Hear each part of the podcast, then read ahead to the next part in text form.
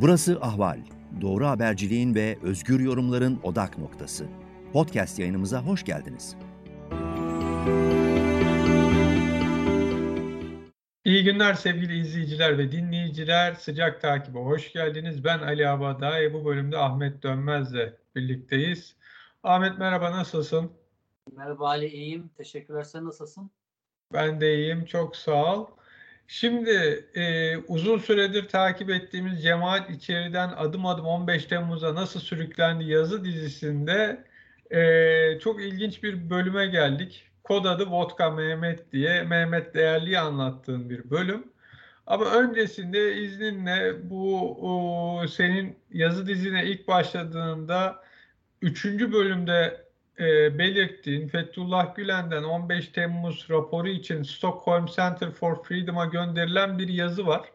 Zaten bütün yazı dizisinin başlan e, hani ilk iki bölüm dışında başladığında şöyle buradaki paragrafla ve bunun kendi içindeki anlamı üzerine gideceğini söylemiştin.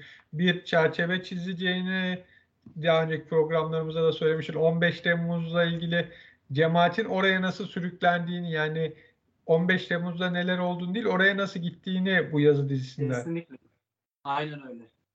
Şimdi şöyle diyor Fethullah Gülen gönderdiği e, yazıda Genelkurmay Başkanı Orgeneral Hulusi Akar'ın uzun zamandır bir darbe hazırlığı içinde olduğunu, buna matuf ciddi çalışmalar yapıldığını duyuyordum. Uzun yıllardır tanıdığım bir esnaf arkadaşımın iş adamı olan oğlu buraya geldiğinde bana İbrahim diye bir iş adamı arkadaşından bahsetti. Dediğine göre bu İbrahim isimli şahıs Hulusi Akar'la ilişkileri çok iyi olan, ona baba diyecek kadar yakın olan birisiymiş. İşte o İbrahim bizim buradaki arkadaşına Hulusi Akar'ın ilk günlerden beri darbe niyeti olduğunu ve bunu mutlaka gerçekleştireceğini söylüyordu. Bu söylentilerin tesirinde kalıp o gece gerçekten emir komuta içinde bir darbe yapıldığını sanan bazıları da o teşebbüste iştirak etmiş olabilir. Sen burada ilk etapta İbrahim'in kim olduğunu sorguluyordun. Ondan sonra bunun İbrahim Taşdelen olduğunu, kendisini e, hatta İbrahim Bilgehan Taşdelen e, kamptaki söylenen e, bu e, Cahit Değerli'nin oğlu Mehmet Değerli'nin e, Fethullah Gülen'in yanına o kamp denilen yere gittiği ve me, e, bu İbrahim'le koordinatı sağladı. Sonra da senin çizdiğin çerçeve içinde yani bütün bu mahrem e, hizmetler denen yapı, bunların kendi aralarındaki ilişkiler en bu ilerleyerek Mehmet Değerli ve Mehmet Değerli'nin bu yapıyla olan ilişkileri, Mehmet Değerli'nin nasıl Fethullah Gülen'in yanına gönderildiği, buna kimlerin, Adil Öksüz'ün nasıl e, referans verdiği ve Adil Öksüz'le Mehmet Değerli'nin e, ilişkilerinin ne olduğunu sen bütün yazı dizisi boyunca ilmek ilmek gördün. Şimdi ben öncelikle şunu anlamak istiyorum. Yani Mehmet Değerli diyorsun ki sözüne hiç güvenilmeyecek biri. Yani sana konuşanlar Allah bir dışında söylediği hiçbir şeye inanma de demişler ve sen Mehmet Değerli ile de görüşmüşsün. Yazıda öyle bir şey var. Nedir intiba? Neler konuştunuz? Neler söyledi? Nasıl bir kişi olarak tanımlarsın? E, Mehmet Değerli'nin henüz daha e, bana hangi cevapları verdiği, sorularıma hangi cevapları verdiğini yazmadım. O bölüme gelmedim. Daha sonra topluca Mehmet Değerli'nin açıklamalarını paylaşacağım okuyucularla. Fakat intibamı sorduğun için söyleyeyim. Aslında bu son bölümde giriş paragrafında kısmen değindim. Eğer ben Mehmet Değerli ile ilgili bu kadar şey dinlememiş olsaydım, hakkında bu kadar çok şey biliyor olmasaydım söylediklerine ben de inanabilirdim. Çünkü e, hatta şöyle bir ifade de kullandım bir tanıdığının ağzından. Siz gerçekleri Mehmet Değerli'nin yalanları söylediği rahatlıkta söyleyemezsiniz. Karşımdaki profil böyleydi. Çok iyi bildiğim konularda, iyi bildiğim konularda benim bilmediğimi varsayarak ya da bilsem bile beni ikna edeceğini düşünerek o kadar başka bir perspektif çiziyordu ki kendi dünyasından ve bunu o kadar rahat, o kadar kolaylıkla yapıyordu ki ben de doğrusu hayretler içerisinde kaldım. Her konuşmamdan sonra hayretler içerisinde kaldım. e, Mehmet Değerli karşısında konulara çok hakim olmanız gerekir.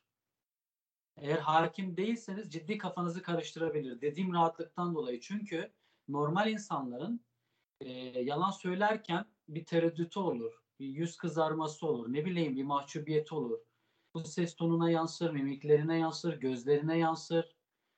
E, Birçok şeye yansıyabilir. Uzatmayayım ama Mehmet Değerli'de bunların hiçbiri yok. Ve şunu söyleyeyim. Şimdi hepimiz için bu geçerlidir. Bir çok yakından tanıdığımız insanlar vardır.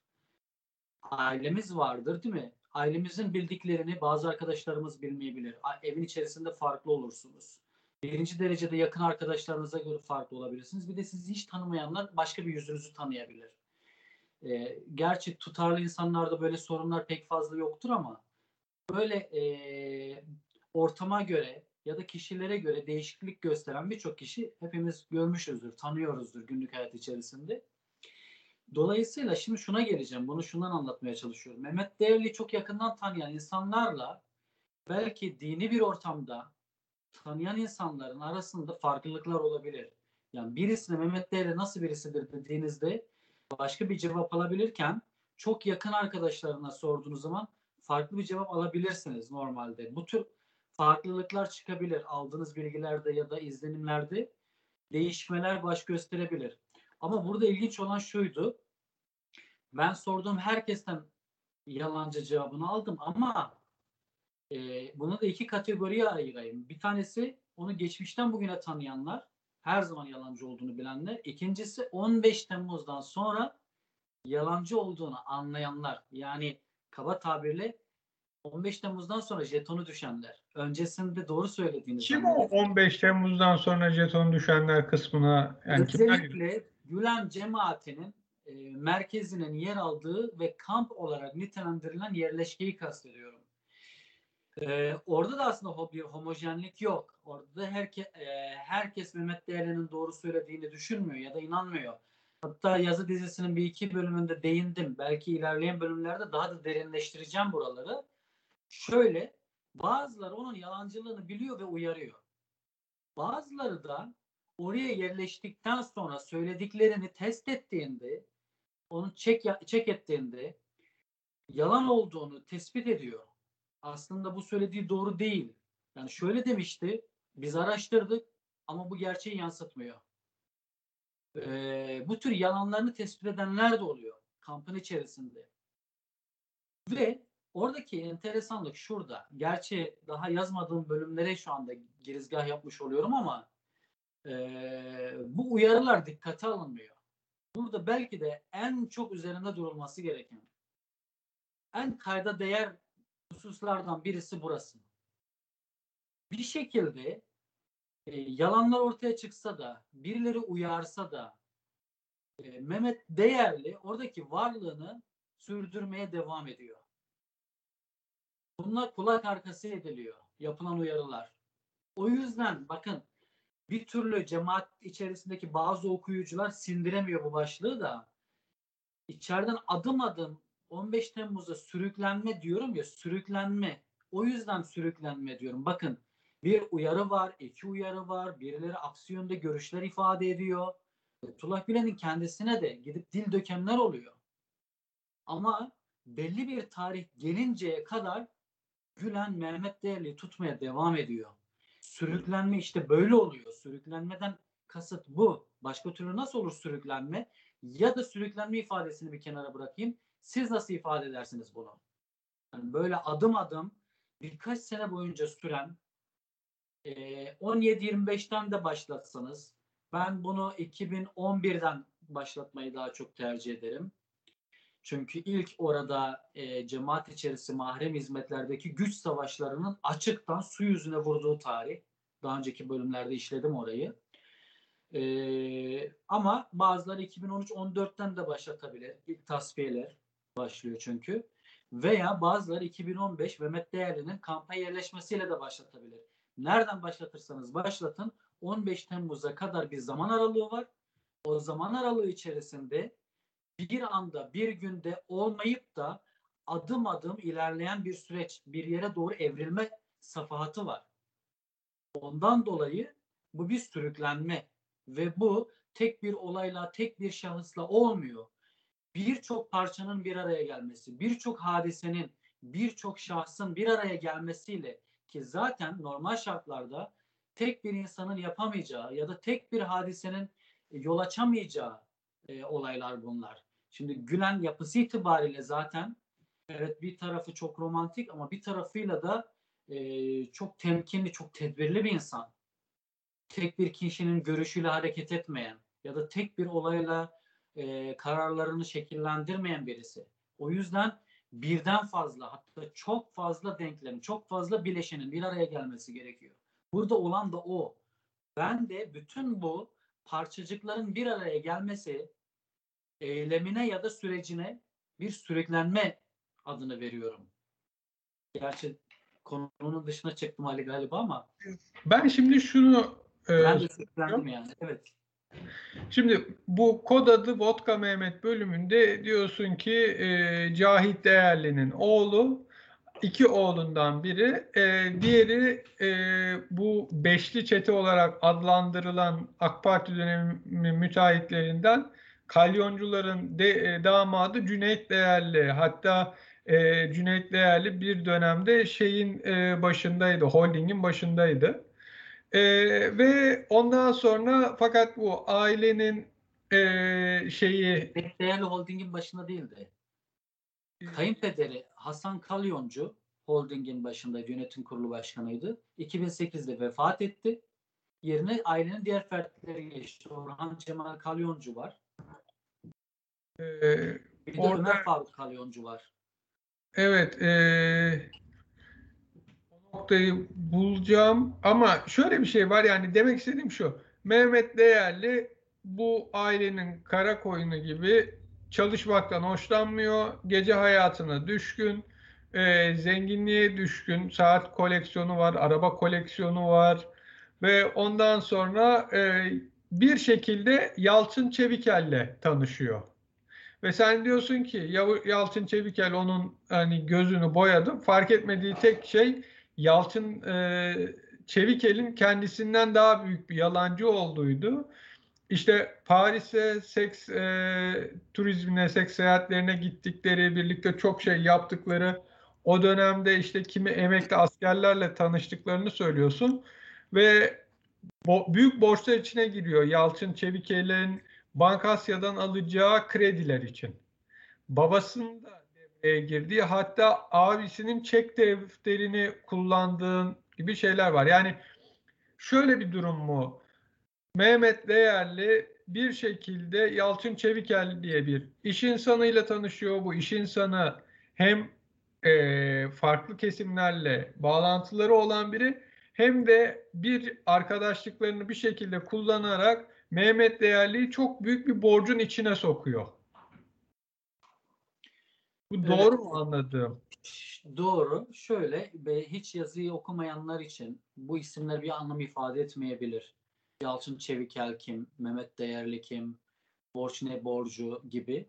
Şimdi e, dilersen eğer müsaade varsa kısaca özetleyeyim. Yalçın Çevikel Tabii kim? ki. Millsoft isimli bir savunma sanayi şirketi var. Savunma sanayinin en gözde şirketlerinden bir tanesi. Dünya çapında prestiji olan, yazılım sertifikalarına sahip olan bir şirket bu ve 8 tane çok gelişmiş ülkeye dahi yazılım ihraç eden bir şirket. Çok değerli o anlamda ve hava kuvvetlerine, deniz kuvvetlerine iş yapıyor.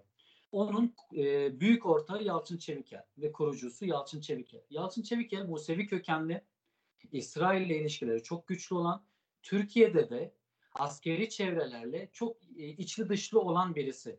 İbrahim Fırtına ile çok yakın mesela eski Hava Kuvvetleri Komutanı İbrahim Fırtına ile ve Fırtına'nın çocuklarını yurt dışında okutacak kadar aralarında yakın bir bağ var. Yalçın Çevikel'le. Ee, yani daha çok işte ulusalcı Kemalist askeri çevreleri olan birisi Yalçın Çevikel. Mehmet Değerli ise senin de bahsettiğin gibi babası Cahit Değerli. Gülen cemaatinin en eskilerinden en büyük mütevellilerinden. Şu an çok yaşlı ve çeşitli hastalıklarla e, boğuşuyor, muzdarip. Ama cemaat içerisinde tanınan ve saygı gören birisi Cahit Değerli. Mehmet Değerli de onun oğlu. İkisi nasıl bir araya geliyor? Mehmet Değerli senin az önce hatırlattığın üzere genç yaşlarından itibaren gece alemine düşkün, hovarda yaşayan, hızlı yaşayan, alkol kullanan, işte e, vişne vodka karışımı, o yüzden zaten vodka Mehmet deniyor. E, vodkaya bayılan, Bulgari, Rolex saat koleksiyonları olan, pahalı arabalara meraklı, marka giyinmeye çok meraklı, kadın düşkünü, böyle bir profil. Yalçın Çevikel de 2008 yılı civarında bir şekilde yolları kesişiyor. Yalçın Çevikel o zaman Milsoft'un sahibi. Ve samimiyetleri ilerliyor. Ama daha sonra e, 2009 yılında Yalçın Çevikel DT Metal adını verdi. Yeni bir şirket kuruyor ve Çatalca tarafında yeni bir alüminyum tesisi kurmak istiyor. Yeni bir proje geliştiriyor. Alüminyumla alakalı. Fakat e, kredi bulması gerekiyor. Hiçbir yerden kredi alamıyor. Bankasya'dan kredi alması için de e, Mehmet Değerli devreye sokmak istiyor. Çünkü Mehmet Değerli'nin babası Cahit Değerli Bankasya'nın kurucularından. Kurucu ortaklarından. O yüzden Mehmet Değerli devreye giriyor. Cahit Değerli de gidiyor iddialara göre. Cahit Değerli banka yöneticileriyle görüşüyor. Yalçın Çevikel'e kefil oluyor.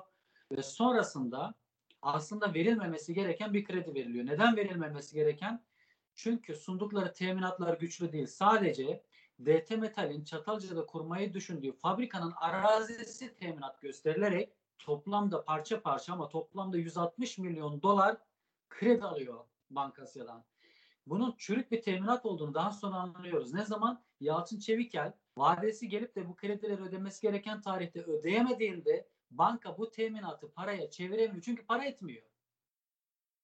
Ama sana gelen cevapta da yanılmıyorsam bunun TMSF bankaya el koyana kadar da dokunulmadığı söyleniyor. Dokunulmadığını söylüyor. O dönemki bankanın genel müdürü Ünal Kabaca biz teminat olarak banka arazisini aldık ama diyor e, niye çevirmediniz paraya? Diyor ki biz 2015 daha doğrusu tarih vermiyor. TMSF bankaya el koydu. O, o tarihe kadar bu paraya çevrilemedi. Sonrasında da TMSF'nin ne yaptığını bilmiyorum diyor. İyi de TMSF bankaya 2015 yılında el koydu. Kredinin batış tarihi 2011. Arada 4 yıl var. Bu 4 Yani yıl boyunca neden? 160 milyon doların batacağı bir şekilde biliniyordu. Belli. Zaten iddiaya göre Yalçın Çevikel'in bizzat kendi ağzından duyanlarla konuştum. Bir tanesi Mehmet Değerli bakın. Hadi Mehmet Değerli'nin sözüne itibar etmiyoruz. Hani demiş diyorlar ya ben de ifade ettim yazıda. Allah bir dediği dışında inanma. Hadi diyelim ki Mehmet Değerli'ye itibar etmiyoruz. Onun dışında da ben adı bende gizli kalmak kaydıyla çünkü bu şartla konuştuğum insanlar var. Yalçın Çevikel'in bizzat ağzı Ankasya yöneticilerine rüşvet dağıtıldığını duyanlar var. Ben de Yalçın Çevikel'in kendisine ulaştım. Dedim ki sizin Bankasya'dan DT Metal için bu kredileri alabilmek uğruna banka yöneticilerine rüşvet dağıtıldığını söylediğinizi işittim. Böyle bir iddia var. Siz Bankasya yöneticilerine rüşvet verdiniz mi? Tutar ne kadar? 5 milyon dolar olduğu söyleniyor. Bir iddiaya göre de 5 ile 10 milyon dolar arasında bir rüşveti verdiğini bizzat Yalçın Çevikel'in söylediği rivayeti de var. Ben bunları Yalçın Çevikel'e sorduğumda bana şu cevabı verdi. Konuşmak istemiyorum. Israr ettim. Dedim ki ama sizin bizzat rüşvet verdiğiniz iddia ediliyor. Buna bir cevabınız olmayacak mı? Konuşmayacağım, cevap vermeyeceğim. Hiçbir sorunuza cevap vermeyeceğim dedi. Fakat sizden duyduklarını söylüyorlar dedim. Bakın sizin ağzınızdan duyduklarını söylüyorlar dediğimde de tekrar yorum yapmayacağım dedi Yalçın Çevikel. Şimdi rüşvet vermeyen bir insan orada normal şartlarda hayır bunlar yalan iftira ben böyle bir şey söylemedim demesi gerekirken cevap vermeyeceğim yorum yapmayacağım demekle yetiniyor. Şimdi böyle bir tablo var. Gerçi Bankasya'ya ve kredi işine girmiş olduk. Aslında şuradan geldik. Yalçın Çevikel kim, Mehmet Değerli kim yolları niye kesişti? Orada üzerinde asıl durulması gereken şirketlerden bir tanesi Milsoft. Çünkü Milsoft e, dediğim gibi savunma şirketi ve etrafında hep emekli ve muvazzaf askerler var. İbrahim Fırtına'dan söz ediyorum mesela. İbrahim Fırtına kim? Balyoz'dan tutuklanmış, hapis yatmış. Daha önceden 2004 yılındaki darbe günlüklerinde adı darbe isteyen, AKP'nin darbe yoluyla gitmesi yönünde telkinlerde bulunan kuvvet komutanları arasında geçiyor. İbrahim Fırtına'nın. Onun dışında başka yakınlıkları da var. Ee, Yalçın Çevikel'in onlarla İbrahim Fırtına ile tanıştır, tanıştırmadığını bilmiyorum ama birçok askeri çevrelerle Mehmet Değerli'yi tanıştırdığını biliyoruz. Bunları Mehmet Değerli'nin kendisi de anlatıyor. Ve bunlarla yurt dışı seyahatlere gitmeye başlıyorlar. Yalçın Çevikel'in özel uçağıyla. Rusya'ya gidiyorlar. Moskova'ya, St. Petersburg'a gidiyorlar. Belarus'a gidiyorlar. Minsk'e uçuyorlar. Paris'e gidiyorlar. Hatta İran'a da gidip geldiklerini duydum. Ama özellikle bu ilk saydığım işte Rusya, Be- Beyaz Rusya ve e, Paris'te Paris'te seks partilerine katıldıklarını e, duydum. Hatta duydum derken Mehmet Deli'nin kendisinin de bunları ballandıra ballandıra anlattığını da duydum. E, o uçak içinde çekilmiş fotoğrafları var.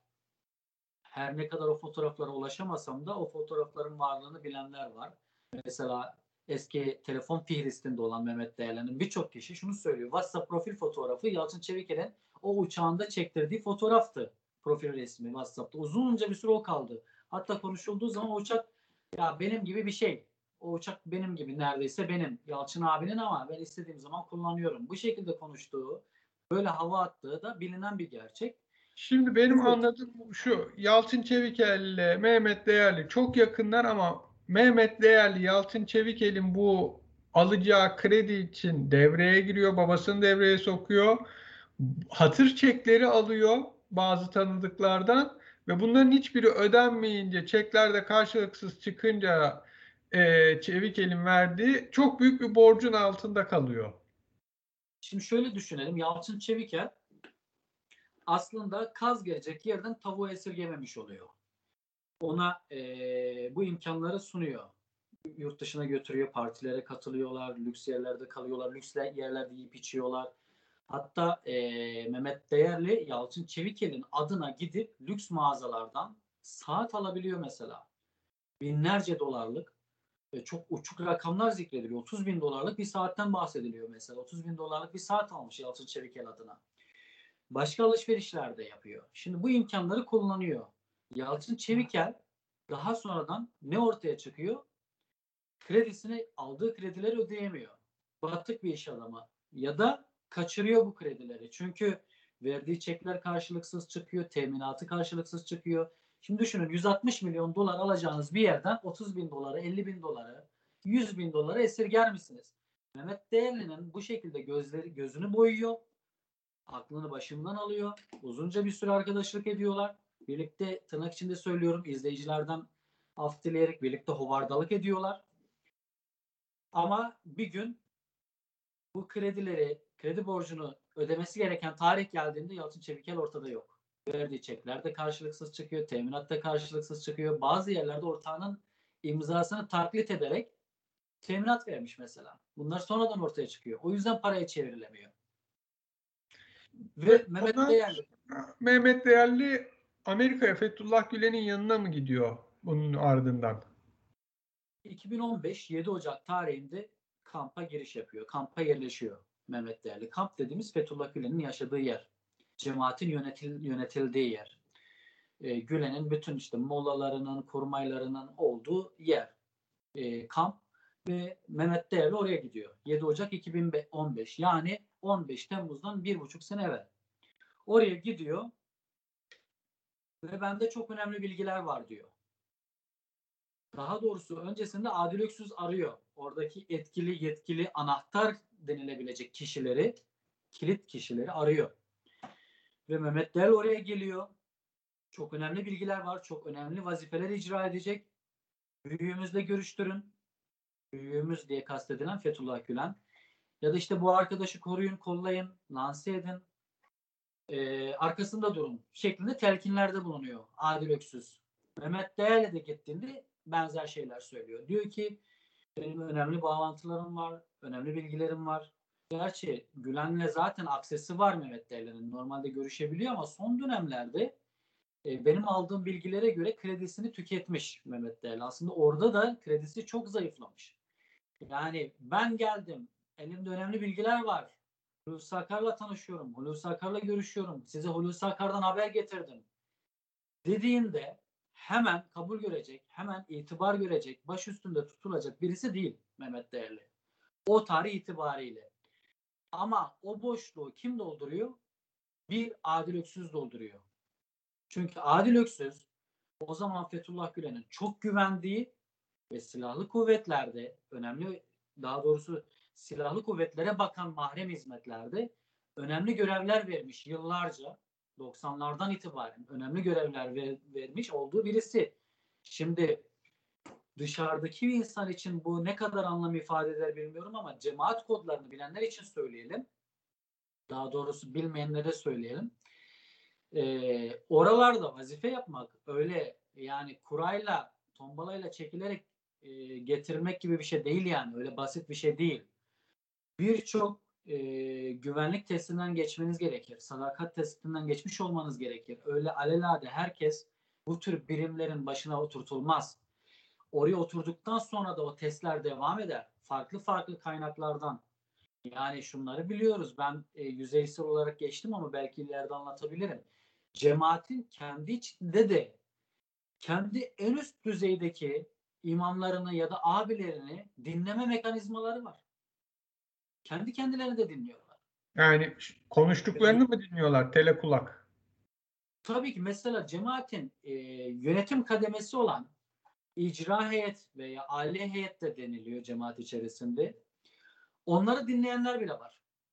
Bu bir e, rekabetten dolayı birbirini tasfiye etmek isteyen, birbiri aleyhine delil toplamak isteyen veya kullanmak isteyenler mesela Mustafa Özcan'ın bu dinlemeleri yaptırdığını biliyorum. Çok sayıda vakalar. Yani ayuka çıkmış durumda. Birçok kişiyi dinletti. Mesela Abdullah Haymaz'ı bile dinlettiğini biliyorum. Mustafa Özcan'ın. Kendileri de biliyor. Kitleler karşısında konuşmazlar. Ama has daire içerisinde Abdullah Haymaz da yakınır dinletildiğinden e, Mustafa Yeşil de yakınır, Naci Tosun da yakınır. Rahmetli geçtiğimiz günlerde vefat etti. Bu vesileyle rahmet diliyorum. Mehmet Ali Şengül de e, bunlardan nasibini almıştır. Şimdi Peki e, ben şuna geri dönecek olursa Adil Öksüz Mehmet Değerli ikisi, ikilisinin buluştuğu nokta ise bu Milsoft şirketi galiba. Yani o ikisi orada tanışıyor mu? Ya da orada mı iş ilişkileri oluşuyor? Adil Öksüz'le Mehmet Değerli aslında geçmişten tanıyorlar, görüşüyorlar. Pardon, tanışıyorlar, görüşüyorlar. Şimdi Milsoft'ta daha sonradan ortak olan iş adamı Mehmet Sungur. Adil Öksüz'e çok yakın birisi geçmişti. Mehmet Sungur'un bana yaptığı açıklama var. Gözleriyle Adil Öksüz'le Mehmet Değerli bir arada gördüğünü söylüyor. Nerede? Adil Öksüz'ün evinde. Baş başa. Ne yapıyorlar? İhale konuşuyorlar. Çok büyük bir enerji projesinden bahsediyorlar bir arada. Adil Öksüz'ün evinde. Adil Öksüz'ün ihalelerle, enerji projeleriyle, enerji ihaleleriyle ne işi var normalde? Mehmet Değerli ile bu anlamda ne görüşüyor? Bu tür görüşmeleri var.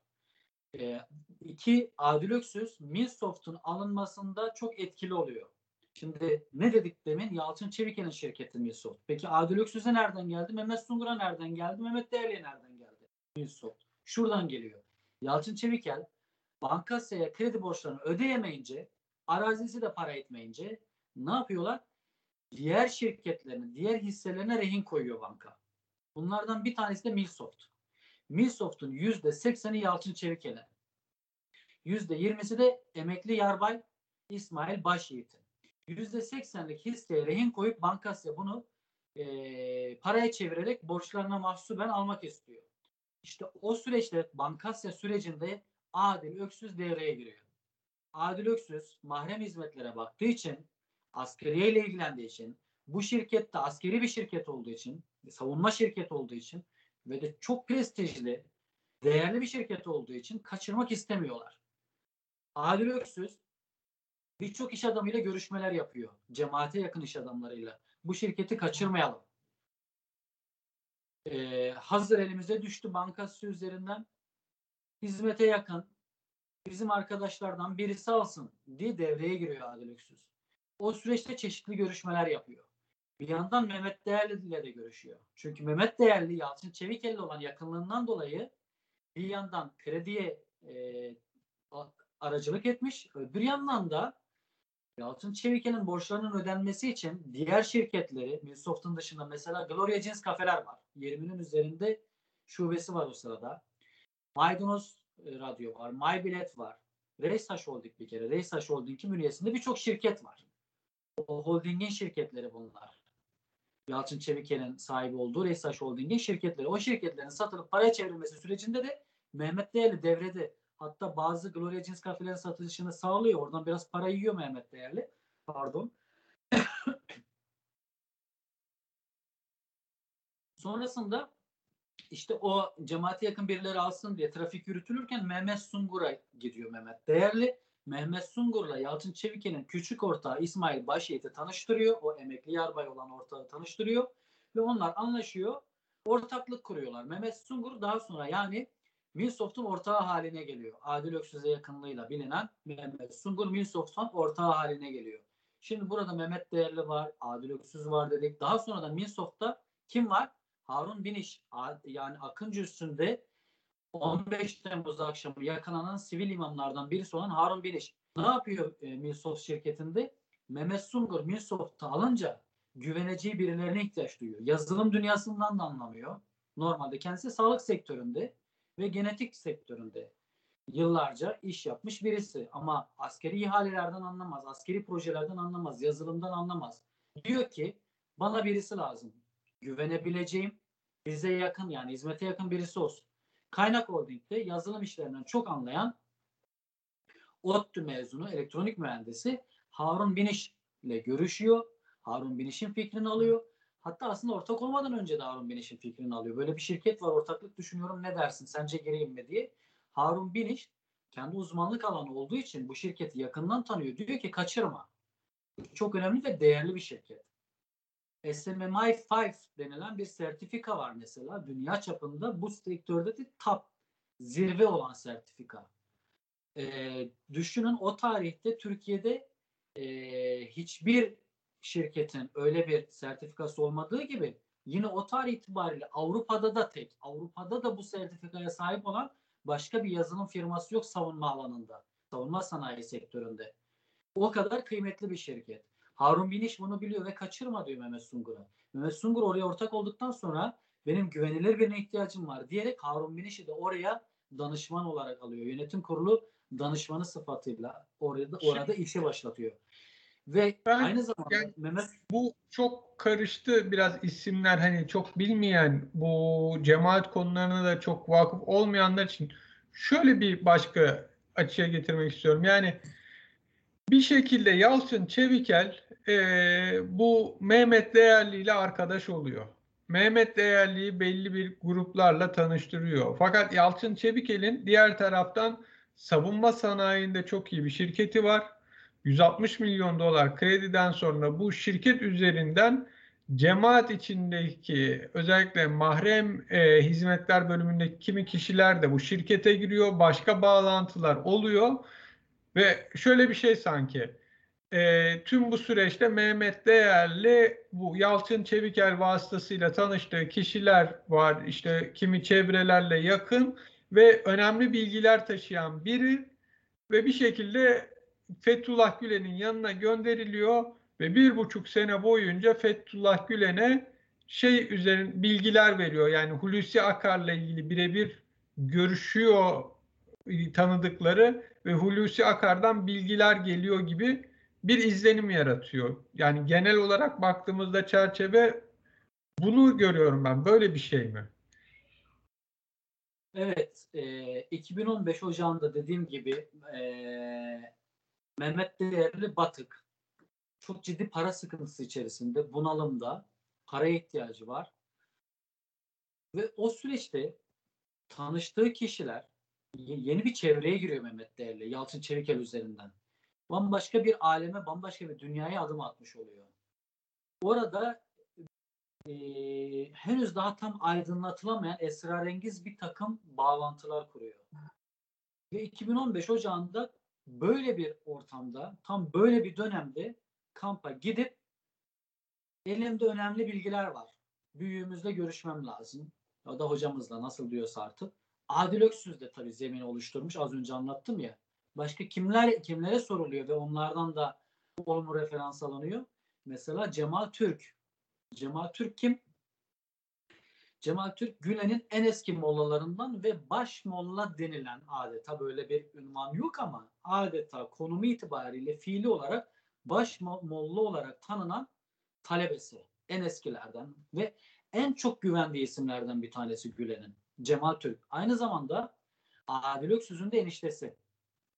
Adil Öksüz'le yıllarca kampta aynı odayı paylaşmış. Daha sonra da kız kardeşiyle evlenmiş birisi Cemal Türk. Şimdi, ve Mehmet Değerli ile de Cemal Türk'ün arası çok iyi. Cemal Türk Mehmet Değerli'yi sever. Cemal Türk de onun referans oluyor. Başka? Daha önceki yazı dizilerinde yine adını zikrettiğim, başka konularda da adını zikrettiğim, cemaat içerisinde yıllarca deniz kuvvetleri imamlığı yapmış olan Sezai Müstahar isimli İsmail Kokuroğlu. O da referans oluyor. Onunla da çok sıkı ilişkileri var. Daha henüz o bölümlere gelmedim. Onunla da sıkı ilişkileri var. Şimdi siz, şimdi Fethullah Gülen şöyle bir durumda. Mehmet Değerli geldi. Çocukluğundan biliyorum. Babasını tanıyorum. Babasını da çok severim. Çok değerli bir insan benim için. Fethullah Gülen gözünden anlatıyorum. Mehmet'in de çocukluğunu biliyorum. Geliyor. Evet biraz uçarı kaçarı bu yönlere de biliyorum. Ama e, diyor ki ben Hulusi Akar'la görüşüyorum. Hulusi Akar'dan önemli haberler ve bilgiler getirdim. Acaba doğru söylüyor olabilir mi ya bu bizim Mehmet'in? Ne ara Hulusi Akar'la ilişkisi oldu? Adil Öksüz diyor ki doğrudur efendim. Görüşüyor. Onda bilgiler var. Şimdi diğerleri de Kemal Batmaz'ından tutun da işte dediğim gibi Cemal Türk, Mustafa Özcan'a kadar birileri arkasında durduğu zaman Fethullah Gülen inanıyor. Mehmet Değerli inanıyor. Ve Mehmet Değerli bir buçuk yıl boyunca Fethullah Gülen'i işliyor. Şimdi peşinden başka sorular gelecek biliyorum ama ben henüz o bölümlere girmediğim için cevap vermek istemeyeceğim. Kaçacağım Ali. Yani şöyle bir şey ama var. şu ana kadarki bölümün özeti bu yani. Ya iddia da şu hatta e, Hulusi Akar'ın üniforması gidiyor. Aynen. Bir üniforma getiriyor. Mehmet Değerli o zaman Hulusi Akar Kara Kuvvetleri Komutanı. Ve Kara Kuvvetleri Komutanı olarak üniformasını getirip hediye ediyor Fethullah Gülen'e ve bunu Hulusi Paşa gönderdi diyerek. Burada güvenilirliğinin e, bir nişanesi. Yani düşünsene Hulusi Akar'dan sana üniforması geliyor. Artık kafanda ne kadar soru işareti kalır? Teyit etmek bakımından, zeminini güçlendirmek bakımından önemli hamleler bunlar. Yani Ve orada Yani benim peki şu var bir de şu aklım şu soru çok kilit. Yani Yalçın Çevikel istihbaratın veya askeriyenin veya bir e, elemanı mı? Yani kendisinin herhangi bir istihbarat bağlantısı başka bir şey var mı? Biliniyor mu veya böyle bir iddia var mı? Ya, benim o yönde bir bilgim yok. Doğrusunu söylemek gerekirse Yalçın Çevikel'in yani istihbarat bağlantısı var mı? Yani bunun için delil lazım. Ama buna gerek var mı diye bir şey sormak istiyorum. Çünkü Yalçın Çevikel'in zaten eee, yani çok derin bağlantıları var. Zaten o askeri çevrelerle bak 90'lardan itibaren o cen- cenahın içerisinde zaten Yalçın Çevikel. Milsoft'un kuruluş tarihi 98. Ama öncesinde de zaten e, askerlerle içli dışlı birisi, bir iş adamı Yalçın Çevikel. Ve özellikle şimdi bak İsrail bağlantısını söyledim. E, Türk Silahlı Kuvvetleri ile bilhassa 90'lı yıllarda İsrail devleti arasındaki işbirlikleri, ortak projeleri de göz önünde bulundurduğunda mesela F-4 Phantom uçaklarının modernizasyonu çok büyük bir skandaldır mesela. Savunma sanayinde bu benim görüşüm değil. Herkesçe bilinen, teyit edilen bir şeydi bu skandal. İsrail'de modernize edildi bu uçaklar ve patır patır düştüler. Bir sürü şehitler verdik. 90'larda ve 2000'lerin başında. Ee, ve bunu sağlayan iki isim vardı. Birisi İbrahim Fırtına, ötekisi Yalçın Çevikel. Bu bağlantıları kuran. Şimdi böyle bir adamdan bahsediyoruz Yalçın Çevikel derken zaten üst düzey birçok asker, general tanıyor, komutanları tanıyor. Ee, ve o çevrelerden birileriyle düşüp kalkıyor. Yani, git- yani MİT ajanı, kadrolu MİT elemanı olmasına gerek yok ki. Zaten böyle bir profil Yalçın Çevikel. Bir de atlanmaması gereken biri daha var. Oradan geldik zaten. Fethullah Gülen'in o bir açıklamasıyla giriş yaptın ya sen ee, programa. Evet. Orada Fethullah İbrahim Gülen'in o açıklamasında İbrahim diye birisinden bahsediyor. Hatta sen de dedin ya sen önce İbrahim'in kim olduğu üzerinden araştırmaya başlıyorsun dedin ya bana. Evet doğru. Ben o İbrahim'in kim olduğu adeta o çorabın sökük kısmıydı. Oradan çekmeye başladığınız anda ta oradan ona gelecektim yani İbrahim'le Yalçın Çevikel arasında bir ilişki var mı gibi. Şimdi orada İbrahim var. İbrahim kim? İbrahim Bilgehan Taşdelen. Onunla Yalçın Çevikel arasında bir bağlantı olup olmadığını bilmiyorum. Bunu tespit edemedim. Ama şu var. Ee, Mehmet Değerli ile İbrahim Taşdelen arasında bağlantılar var ve Hulusi bağlantıyı İbrahim Taşdelen'in kurduğunu söylüyor. Mehmet Değerli. O dönemde kuvvetle muhtemel İbrahim Taşdelen gibi, işte Yalçın Çevikel gibi ve Yalçın Çevikel'in tanıştırdığı başka isimlerden e, örülü bir çevresi oluyor Mehmet Değerli'nin ve onlar üzerinden bir takım bilgi girişi sağlanıyor. Bunlar ne kadar gerçek bilgilerdi, ne kadar manipül manipülatif bilgilerdi, yönlendirme amaçlı fake bilgilerdi. İşte burası önemli. Yaşananlara baktığımızda 2016 15 Temmuz tarihi ve ondan sonrasında yaşananlara baktığımızda o girdilerin büyük oranda manipülasyona matuf, manipülasyona dönük bilgiler olduğunu anlıyoruz. Peki yani ben şunu görüyorum bütün yazı dizisi boyunca sanki bir yapı var. Bu yapı e, şeyi cemaati çok iyi çalışmış. Cemaatte mesela işte Mehmet Değerli gibi e, bir e, şeyi buluyor, e, ismi buluyor. Ondan sonra e, bunun zaaflarını buluyor. Ondan sonra hani babası filan ailedeki önemli noktasını buluyor. Bunu bir şekilde e, Cüneyt Değerli üzerinden belli çevrelerle tanıştırıyor. Belli bir borca sokuyor ve kendisi için çalışmaya veya kendisi için bazı şeyler söylemeye ikna ediyor. Keza daha önceki e, yazılardan anladığım cemaatin içinde kimi ortaklıklarla e, mahrem hizmetlerdeki e, kişilerle yakın ilişki kuran üst düzey emekli askerler var. Onlar kimi bilgiler taşıyor. Ama bir kaynaktan çıkan farklı isimler belirlenmiş bilgileri hep cemaate ve Fethullah Gülen'e taşıya taşıya 15 Temmuz'a giden bir yol döşüyor. Yani benim bütün bu yazı dizisinde çıkardım böyle bir şey.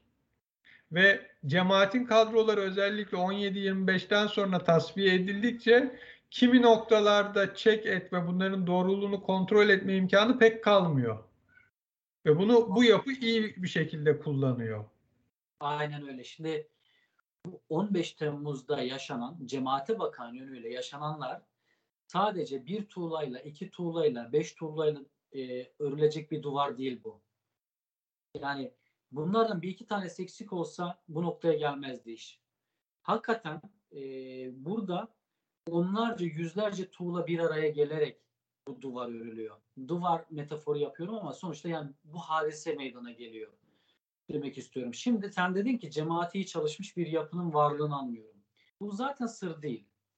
Şimdi ben başbakanlık dönemi, muhabirliğim döneminden hatırlıyorum. Haber yazı da yazdım. Kitapta da bahsettim bundan. Başkaları da daha sonra bahsetmiş olabilirler. Bilinmeyen bir şey değil bu. Tayyip Erdoğan cemaatle savaşa girmeden önce çok büyük çaplı bir çalışma yaptırdı. Bir heyet kuruldu, bir komisyon kuruldu başbakanlık bünyesinde. Bunun içerisinde Milli İstihbarat Teşkilatı'ndan e, uzmanlar vardı. Başbakanlıktan uzmanlar vardı. AKP Genel Merkezi'nden kişiler vardı. İş dünyasından vardı. Farklı farklı gruplardan e, ve e, kamuoyu araştırmaları yapanlardan vardı. Bütün bunlar bürokrasiden de var. Bütün bunlar bir araya gelerek cemaatin röntgenini çekti. Bir yıl sürdü bu çalışma. Ve binlerce sayfalık raporlar hazırlandı. Klasör klasör. Cemaatin A'dan Z'ye filmini çektiler. Yani insan kaynaklarını, para kaynaklarını, zaaflarını, e, hangi ülkede ne kadar gücü var bunları, bürokraside hangi kurumda ne kadar gücü var, tarihini vesaire hepsini röntgenini çektiler ve isim isim e, fişlemelere de gittiler o süreçte. Bütün bunlar hazırlandıktan sonra Tayyip Erdoğan'ın önüne kondu. Tayyip Erdoğan buradan çıkardığı e, sonuçlarla, buradan elde ettiği çıktılarla zaten cemaatin üzerine gitti. O savaşı başlattı. Dershanelerin kapatılması sürecine girdi. Şimdi bu bir sır değil. İkincisi sonrasında da yani 17-25 sonrasında da mükemmel bir şekilde psikolojiyle oynandı. Gülen Mehmet Değerli kendisine gelip de Hulusi Akar'ın üniformasını getirdiğinde ya da Hulusi Akar'dan mesaj getirdiğini söylediğinde ona inanmaya hazırdı. Yazı dizisinde onu da ifade ettim. İnandı çünkü inanmak istiyordu Mehmet Değerli'ye. İnanmaya ihtiyacı vardı. Çünkü Fethullah Gülen e, psikolojik olarak bu noktaya getirilmişti. Neden? Şimdi e, kendi e, anlatımlarından bildiğimiz 40 yıl öncesinde bir caminin penceresinden Edirne Üç Şerefeli Camii'nin penceresinden başlattığı bir hareket var. İlmek ilmek ördüğü, tek tek talebe talebe ulaşarak büyüttüğü bir hareket, bir yapılanma var, bir cemaat var ve bunun bürokraside de elde ettiği çok önemli mevziler ve mevkiler var. Çok önemli kadrolar var. Karşısında bunları dümdüz etmeye and içmiş bir akıl var. Bir iktidar var. Bence o zaman için sadece Tayyip Erdoğan iktidarından ibaret zannediyordu tahminim. Ee, ve şimdi bu iktidar kendisine sürekli hakaret ediyor. İşte şeytan diyor, e, elebaşı diyor, sahte peygamber diyor, yalancı peygamber diyor, alim müsveddesi diyor vesaire. Şimdi bu tür hakaretlerle geliyor. Onun da ötesinde kurumlara el konmaya başlıyor. Tabelalar indiriliyor, okullara çökülüyor veya işte silahlı polisler gidiyor, anaokullarını basıyor. Ee, kayım atanıyor bir yerlere. Zamana el konuyor. Daha doğrusu zamana gidiliyor. Polis baskınlar oluyor. Samanyolu bugün grubu vesaire. Öyle bir süreç. Şimdi bütün kazanımlarını kaybetme korkusu yaşıyor Fethullah Gülen. Bunu önemsiyor. Fethullah Gülen bu kazanımlar önemsiyor. Özellikle bürokrasideki, askeriyedeki, emniyetteki ve bazı kurumlardaki yapılanmayı önemsiyor. Ve orada toplu tasfiyeler başlamış. Yakında da yaşta binlerce asker atacakları yönünde bilgiler geliyor.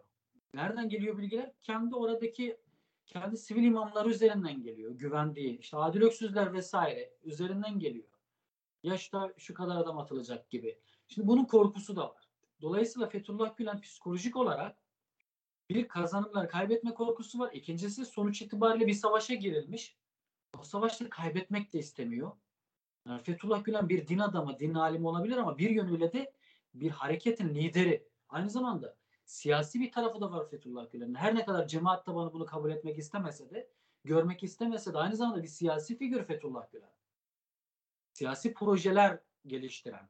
Düşünün bir enerji ihalesinin bile gelinip sorulduğu, elektrikli araba projesinin gelinip sorulduğu bir adam yani sonuçta. Bir yönüyle de. Böyle bir tarafı da var. Ve o askerleri, yetişmiş askerleri çok önemsiyor. Onları kaybetmek istemiyor. Onu daha doğrusu hareketi, camiayı bu beladan, bu badireden, yaklaşmakta olan büyük depremden veya tufandan kurtarabilecek her şeye dört elle sarılmaya hazır o sırada. O yüzden Mehmet Değerli gelip Hulusi Akar'dan haber getiriyorum dediğinde ona inanmak istiyor. Senin de dediğin gibi bir yönüyle de e, haber kaynakları kesilmiş. Neden? Çünkü cem cemaat e, kadrolarına tasfiyeler başlamış bürokraside. Özellikle emniyet istihbaratta. Birçok kadrolar budanmış. Artık çek edebileceği kaynaklar sınırlı. Eskisi gibi bilgi alamıyor artık. Ve Hulusi Akar'dan bilgi alabildiğini söyleyen birisi var. Ondan daha öte bir bilgi şeyi mi olur? Bilgi merkezinin kaynağı mı olur? Hulusi Akar'dan daha değerli bir bilgi kaynağı olur mu? O sırada Kara Kuvvetleri Komutanı ve teamül gereği bir sene sonra Genelkurmay Başkanı olacağına kesin gözüyle bakılan bir adam. Elde edebileceğiniz en önemli bilgi kaynağı var karşınızda. O yüzden Mehmet Değerli'ye inanmak istiyor ve inanıyor. Ve sonrasında da işler 15 Temmuz'a doğru gidiyor. Tabii sonrasında yaşananlar ayrı. Onlara henüz gelmedim ama şu ana kadarki bölümlerin özeti bu. Orada e, kritik isimler Mehmet Değerli, Adil Öksüz, İbrahim Bilgehan Taşdelen, Yalçın Çevikel, şirket olarak Milsoft. Yani bunlar kritik. Mustafa Özcan. Neden Mustafa Özcan bu kadar önemli? Şundan daha önceki bölümleri okuyanlar hatırlayacaktır. Şimdi saydığım isimler aslında hep Mustafa Özcan'a yakın isimler. Kadrolaşma var, ekipleşme var, mahrem hizmetleri içerisinde güç savaşları var ki onları bölüm bölüm yazdım. Niye bu kadar detaya giriyorsun, niye bu kadar uzatıyorsun diyenler herhalde şimdi anlamışlardır niye onlardan uzun uzun bahsettiğimi. Çünkü mahrem hizmetler içerisinde güç mücadeleleri ve ekipleşmeler olmazsa bu mesele buraya gelmez. Hani diyorum ya bir tuğla bile eksik olsa bunlar yaşanmaz. Mehmet Değerli'yi lanse eden, arkasında duran isimler bir ekip. Hep bir ekibin unsurları, elemanları onun arkasında duruyor. Mehmet Değerli'nin. O ekip de Mustafa Özcan'a yakın olan ekip. Mustafa Özcan'ın mahrem hizmetlerdeki kadrosu. O açıdan önemli bu mesele. Yani Mustafa Özcan ve ekibi diğer grupları elimine etmeseydi iş buraya kadar gelmezdi diye bir sonuç çıkarıyorum ben. Daha Aynen, önceki kayıtlarımızda çünkü bunları hep konuştuk seninle. Aynen öyle. Peki e, son eklemek istediğim bir şey var mı? Çünkü daha yazmadıklarım var ama esasında sorular şimdi o yazmadığın kesim, kısımlara gidiyor. E, Ama genel olarak şu ana kadar bütün yazı dizisinin özetinden anladığımız yani bu bir süreç ve bu süreci çok iyi takip eden esasında AK Parti değil arkada bir daha başka yapı var. Ve o gerekli yerlerde bilgi kaynaklarını keserek, gerekli yerlerde sadece kendi ekibinden kişilerin, farklı isimlerin aynı bilgileri vermesini sağlayarak bir nevi cemaatin e, sadece 15 Temmuz'a giden yolu görmesini sağlamış. Aynen.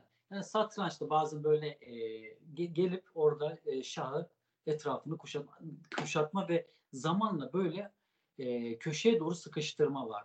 Bilgi kaynaklarını kesiyorsunuz. Kadroları tasfiye ediyorsunuz. Psikolojisini hazırlıyorsunuz.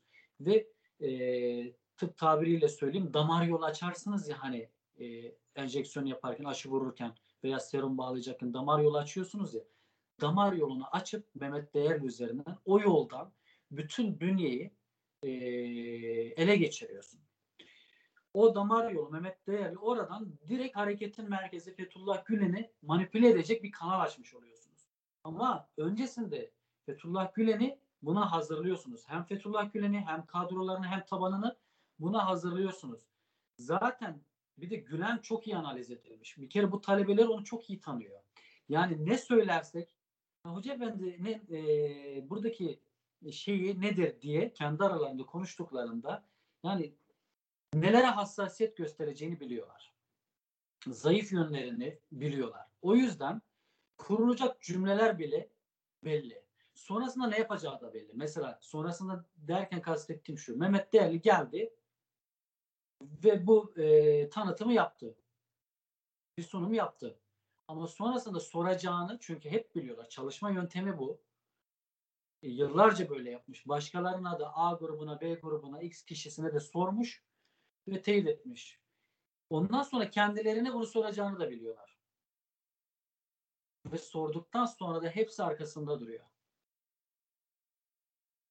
Bu e, Gülen'in bir kere cemaat tabanında bazıları Gülen'i adeta insanüstü bir varlık gibi görüyor da bir türlü kabullenmek istemiyorlar. Çünkü şu anlattıklarım Fethullah Gülen'in de zaafları olduğunu, bir insan olduğunu, hatalar yapabileceğini, onun da hevesleri olabileceğini, hırsları olabileceğini, e, hayalleri olabileceğini, kaybetme korkusu yaşayabileceğini gibi insani bir takım özelliklerinin olabileceğini ne hikmetse dini bir grup olmasına rağmen kabullenmek istemiyorlar.